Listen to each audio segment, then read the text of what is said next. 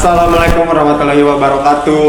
Kembali lagi di ngobrol cuan with Teh Gita dan Teh Gita. Assalamualaikum. Kali ini di episode keempat eh, kita mengundang Teh Gina dan Teh Gita yang memiliki bisnis eh, yogurt ya Teh, yogurt. bisnis keluarga ya berarti. Hmm. Eh, jadi bisa diceritain Teh eh, awal mulanya eh, terbentuknya bisnis ini Teh kayak gimana? Awalnya itu aku kan kerja, terus suami aku juga kerja, terus kita kayak pu- punya anak satu, punya anak satu, terus anaknya setiap hari tuh kita harus titipin karena kita semuanya kerja. Terus suami aku tuh mikir kayaknya kita nggak bisa khususan kayak gini, kita harus cari pendapatan lain atau pendapatan utama selain bekerja gitu. Lagian kan 9 dari 10 pintu rezeki itu dari berdagang ya. Jadi kita putusin ya udah kita dagang. Tapi dagang apa? Bingung. Terus suami aku masuk ke toilet, biasanya di toilet suka dapat inspirasi. Jadi di situlah dapat inspirasinya. Suka kreatif kan ya? Masuk toilet, terus keluar toilet langsung udah dapat inspirasinya. Kita jualan yogurt aja. Yogurt apa? Yogurt aja udah biasa gitu pakai buah. Kita cari referensi-referensi lainnya gitu di Instagram, di Pinterest kayak gitu-gitu mau konsepnya kayak gimana.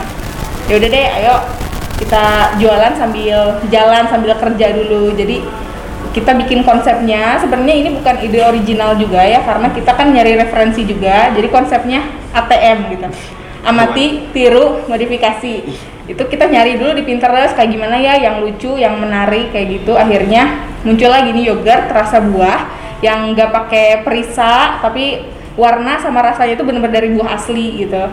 Eh, jadi alami. Terus Eh, ya gitu kita di konsep kebetulan suami aku tuh graphic designer dan aku PR, Vcom yang suka ada konsep-konsep, suka bisa komunikasiin ke orang lain gitu. Jadi aku bikin konsepnya kayak gimana, tapi yang eksekusinya suami aku gitu. Kayak gitu deh. Eh, jadi eh, bisnis keluarga ini tuh udah berapa lama ya Teh jalannya? Jalannya dari Aku kamu SMA ya? Aku kelas 3 SMA. November 2018 lah. Dia masih SMA gitu, jadi bantuin juga ngepromosiin. Oh. Kayak waktu SMA juga sering sih bawa yogurt. Kan PO tuh sehari hamin satu ya, namanya hamin satu. Banyak yang pesan teman-teman sampai guru. Jadi kalau jam istirahat suka dianterin yogurtnya bawa kayak dua kresek gede gitu buat teman-teman. Udah, udah kayak GoFood Iya. dia gitu. Tiap jam istirahat, jadi bukannya jajan malah ngebagiin yogurt buat yang pada pesen gitu. Yang mesennya. Heeh.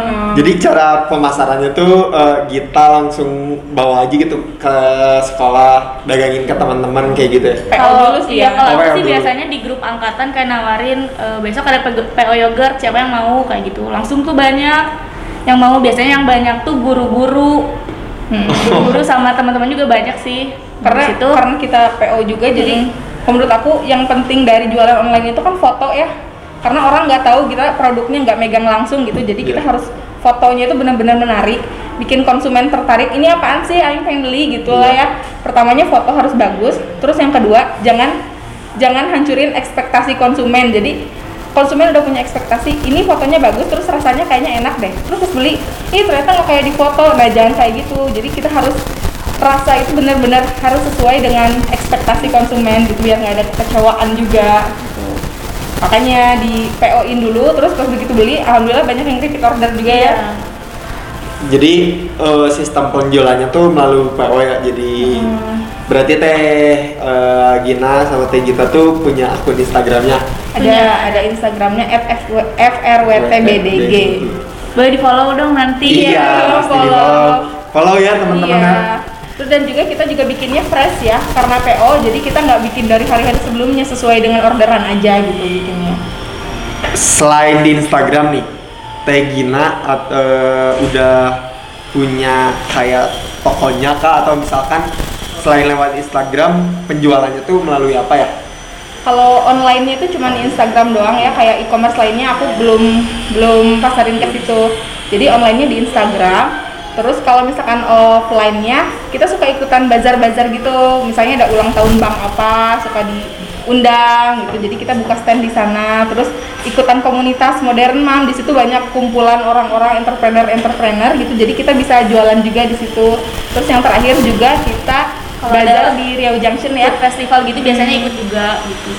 Oh, gitu. berarti selain Instagram Teh Gina sama Teh Gita juga sering ikut-ikut se- sebuah event Event. event-event kayak gitu ya berarti event tuh bisa dimanfaatkan lah untuk media Iya, promosi dan media dag- promosi. dagang juga terus eh, selama membangun usaha tentunya kan ada target pasarnya gitu udah ditentuin sih target pasarnya dalam usaha yogurt teh target pasarnya yogurt ini teh sebenarnya siapa? Eh, apakah kalangan anak muda gitu atau dikhususkan di eh, orang-orang yang pengen hidup sehat kayak seorang eh, apa ya orang-orang yang suka olahraga kayak gitu-gitu Kalau targetnya sebenarnya yogurtnya ini aman dikonsumsi dari anak kecil sampai orang tua gitu karena ini sehat kan ya, nggak ada pengawet, nggak ada eh, apa pemanis buatan gitu-gitu. Cuman kalau untuk spesifik targetnya kita kayak wanita umur antara 20 sampai 50 tahun karena di umur segitu biasanya mereka bekerja ya dan punya gaji gitu. Jadi nggak segan-segan lah untuk jajan. Apalagi wanita kantoran biasanya kan mereka sibuk gitu. Jadi ah udahlah beli aja apa gitu suka ada yang ngekolektif ini satu orang nah itulah yang ngekolektifin itu biasanya yang jadi reseller oh Gitu. kita open reseller juga tuh jadi e, banyaknya sih yang belinya wanita kantoran 20 sampai 50 tahun itu jadi segmen utama segmen utamanya berarti wanita kantoran dari umur 20 sampai 50 tahun Iya, yang konsumtif dan hobi jajan. karena kita tahu bahwa orang-orang kantoran sering jajan itu ya iya, benar. terus eh, ada Teh Gina eh, sama Teh Gita punya cara nggak sih untuk apa ya, mengembangkan si bisnis ini ke depannya tuh mau kayak gimana gitu udah kebayang nggak sih nanti targetnya ke depan bisnis ini tuh harus udah kayak gini kayak gini kayak gitu Ada sih sebenarnya di bayangan tuh kayak konsepnya harus gini gini gini gini. Kita pengen ada nanti ada offline store insya Allah ya doain. Terus pengen Iya. juga kayak bikin pabrik yogurtnya karena kita kan produksinya juga produksi sendiri. Jadi kadang eh, kalau misalkan banyak orderan kewalahan juga karena kan Iya. kita cuman sedikit ya Ya kita yang cuma produksinya. produksinya, cuma sedikit, heeh. karyawan ada tiga kebetulan. Kadang-kadang kita juga bantuin ya karena Iya. emang keteteran keteteran banget. Jadi mudah-mudahan nanti kita punya pabrik dengan alat-alat yang mumpuni gitu ya. Amin. Doain amin Amin, ya. amin, amin. ya gitulah. Mudah-mudahan ke depannya bisa bisa berjaya gitu. kadang aku juga eh, suka bantuin bagian produksi juga gitu kan kadang sampai sambil kuliah juga kayak gitu jadi kadang rada pusing juga kan antara produksi sama merhatiin dosen lagi zoom gitu. Iya, ini kan maintain dia- waktunya Iya. susah ya. Iya. jadi itu menjadi salah satu kesulitan buat Teh Gina sama Teh Gita Iya. untuk apa ya menjalani bisnis ini gitu. Berarti Iya, salah satunya salah satunya yang- satu kewalahan. Terus sebenarnya kendalanya banyak banget sih yang kita alamin cuman kendala tuh kayak dijadiin motivasi buat lebih berkembang lagi gitu. Kayak misalnya dulu aku tinggalnya di Jati Handap Ya. itu tuh daerah yang zona merah Gojek jadi untuk pengiriman itu agak susah kan? Oh, iya. Udah pengiriman susah ongkirnya juga mahal. Itu kan kayak kendala aduh gimana? Tapi setiap kendala tuh kan pasti ada solusinya. Solusinya tuh kita ya udah kita pindah ke tengah kota kita pasarin di tengah kota.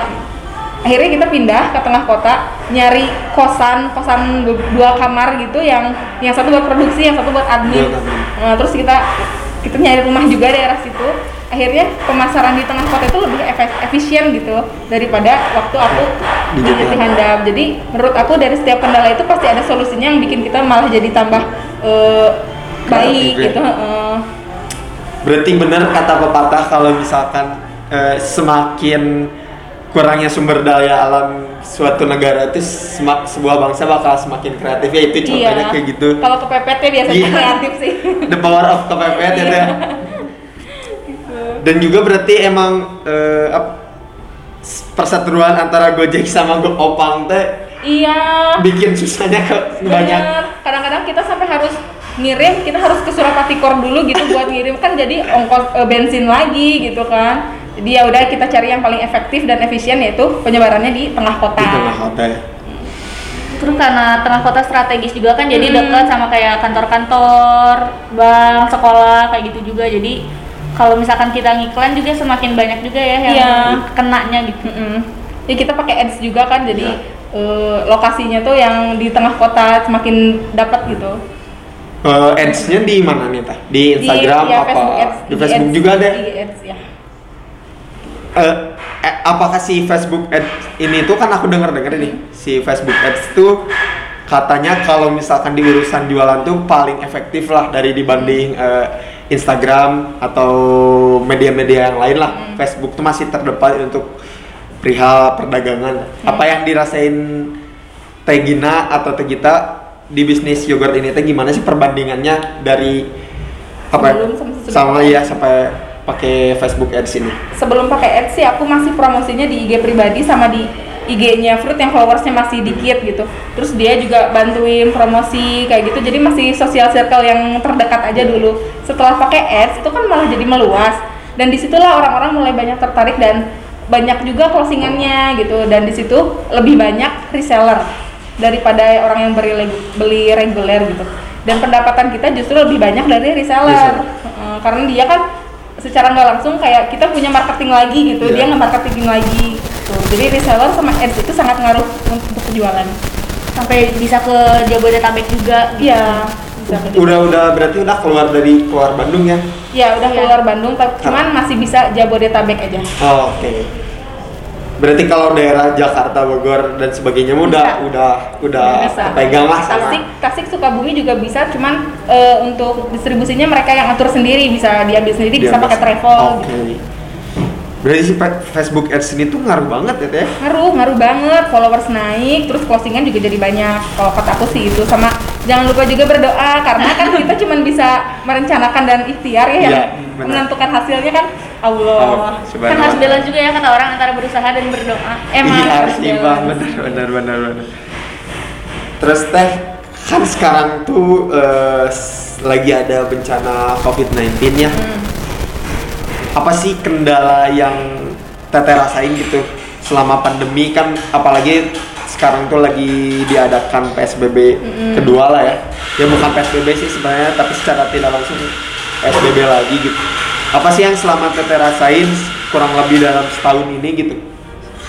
selama pandemi Iya. kalau aku justru malah lebih bagus Lebih enak. karena orang-orang malah lari ke online gitu Iya. daripada ke offline ya untungnya kita belum buka offline sih jadi pas begitu ada pandemi malah jadi rame gitu karena ya gitu orang-orang jajan atau apa lebih milih online gitu dianterin sama Gojek daripada beli langsung ke tempatnya Iya. terus karena produknya juga yogurt jadi orang-orang tuh tahu yogurt tuh bisa eh, nambah imun tubuh juga Iya. Menyehatkan ya, Ya, yogurt. ya, itu pinter-pinternya kita aja sih jadi kayak gimana cara kita mengkomunikasiin ke orang-orang kelebihan produk kita nah mumpung ada pandemi bukan mumpung sih sebenarnya ini kan bencana ya pandemi cuman kita cari sisi positifnya sisi, sisi positifnya itu ya udah dengan mengkonsumsi yogurt ini kita bisa meningkatkan imun tubuh kita. Tuh. Dan orang-orang pun kalau misalkan sedang pandemi gini kan cenderungnya lebih impulsif ya apa? Lebih suka main HP gitu. iya. Sekali lihat iklan klik, iya contohnya iya benar kayak gitu kayak mama aku juga di rumah gitu teh. Ya. Main Shopee sedikit beli. nah kan Iya kayak gitu. pengeluaran bertambah ya Pengeluarannya malah apalagi kalau ada Shopee Pay Later ya Iya. bener bener bener. Cuman itu ngebalancein juga sih, ada yang jualan, ada yang beli, jadi ekonominya balance. Ekonominya balance. Jadi eh, salah satu triknya apa sih teh buat apa ya maintain gitu kan? Kalau sekarang emang bisnisnya eh, apa ya terbilang kebantu sama si online ini gitu. Nah kalau misalkan eh, kendala-kendala yang dialamin kayak eh, apa sih gitu lagi di pandemi gini nggak ada apa-apa emang alhamdulillahnya lancar-lancar aja gitu. Alhamdulillahnya lancar-lancar. Paling kendala sih aku ada di eh, buah-buahan yang fluktuatif ya kayak mangga. Mangga itu kan musiman. Kayak gitu. Jadi kalau lagi nggak musim mangga, ya udah kita nggak jualan mangga daripada, mak- daripada maksain. Terus strawberry juga kalau lagi musim hujan, itu biasanya strawberry jelek-jelek gagal panen. Hmm. Jadi barangnya agak susah gitu kalau misalkan musim sih sebenarnya itu. Tapi kalau misalkan untuk pandemi ini eh, ngaruhnya pas apa ya pas PSBB kali ya orang-orang WFH kantor jadi agak sepi Nah. nah, itu yang belinya jadi agak-agak kurang. pasar ini pasarnya salah satu pasarnya hilang lah ya gitu. salah satu pasarnya hilang cuman masih ada juga sih yang reguler reguler beli rumah Yang pribadi ya. Mm. Hmm. Karena si yogurt ini pakai eh, buah-buahan asli itu juga berarti nunggu-nunggu musim itu ya teh ya? ya ada beberapa buah yang musiman ada beberapa buah yang selalu konsisten gitu yang musiman Iya. itu mangga strawberry gitu itu yang paling susah ngatur. Karena kan itu mah bukan bukan puasa kita iya ya. itu bukan bukan ya aku nggak bisa ngapa-ngapain gitu. Iya. cuman ya balik lagi kita kan ya anak PR itu harus tahu cara komunikasiinnya gimana. Kita kan nggak mungkin kayak ke konsumen aduh tapi mangganya kosong. Ntar konsumennya kok kosong terus sih? Gimana sih mangganya? Iya tapi nggak musim. Nah mereka kadang-kadang ada yang nggak terima gitu kan.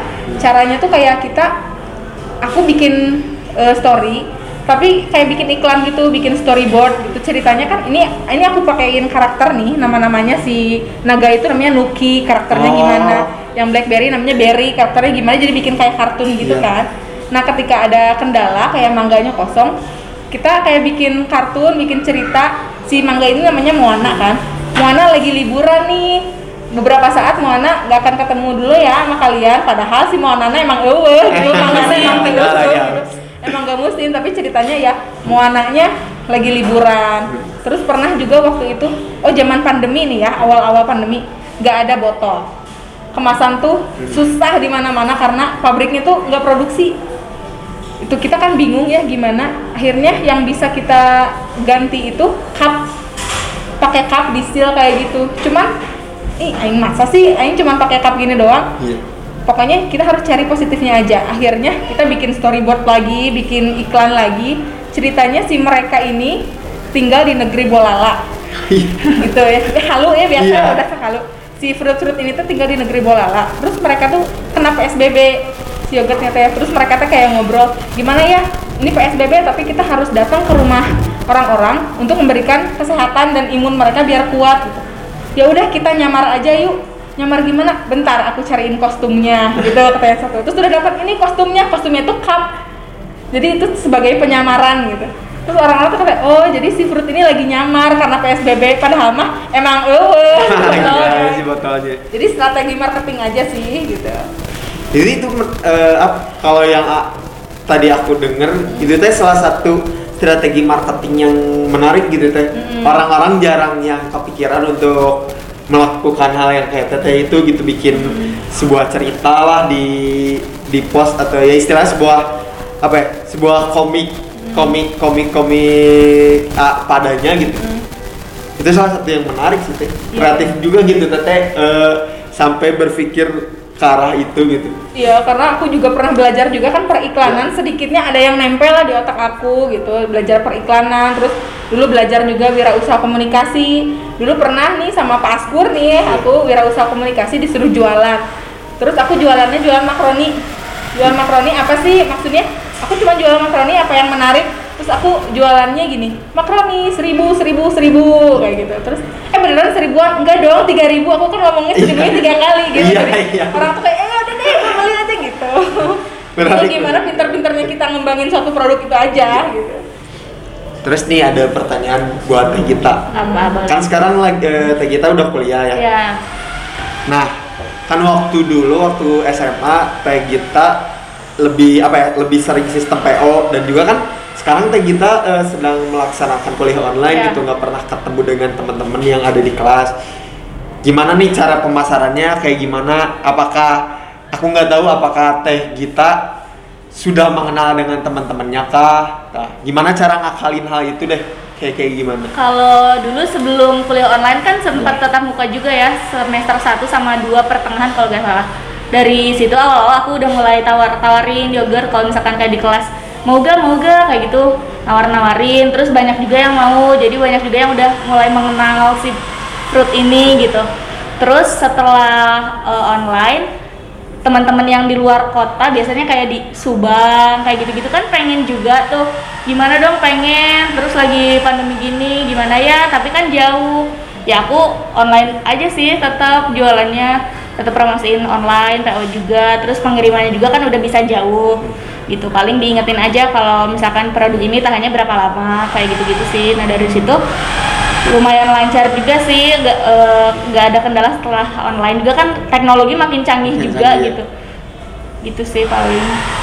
Berarti eh, gak beda jauh lah waktu maksudnya Iya. waktu zaman Teh Gita masih SMA sampai sekarang udah ganti ke kuliah gitu. Nggak nggak beda jauh lah ya. bedanya paling di ongkos kirim kali ya kalau misalkan. hmm, waktu kuliah sama SMA kan aku yang bawa, Bawa. jadi gak ada ongkos kirimnya gitu buat teman-teman. Kalau sekarang ada ongkos kirimnya paling teman-temannya biasa lah minta eh diskon dong ongkirnya kayak gitu sih Iya. paling apalagi yang di luar kota kayak gitu. Nah dengan kayak gitu juga kita kan jadi kepikiran gimana ya pas sekarang itu jadi kita ada beban ongkir juga akhirnya kita ngeluarin promo kayak kalau beli 10 dapat diskon 20% sama free ongkir 10.000 kayak gitu terus eh, kita suka ada tiap hari diskon ongkir 50% ya biar apa biar penjualannya tetap lancar gitu biar mereka juga nggak beban untuk ngeluarin ongkir.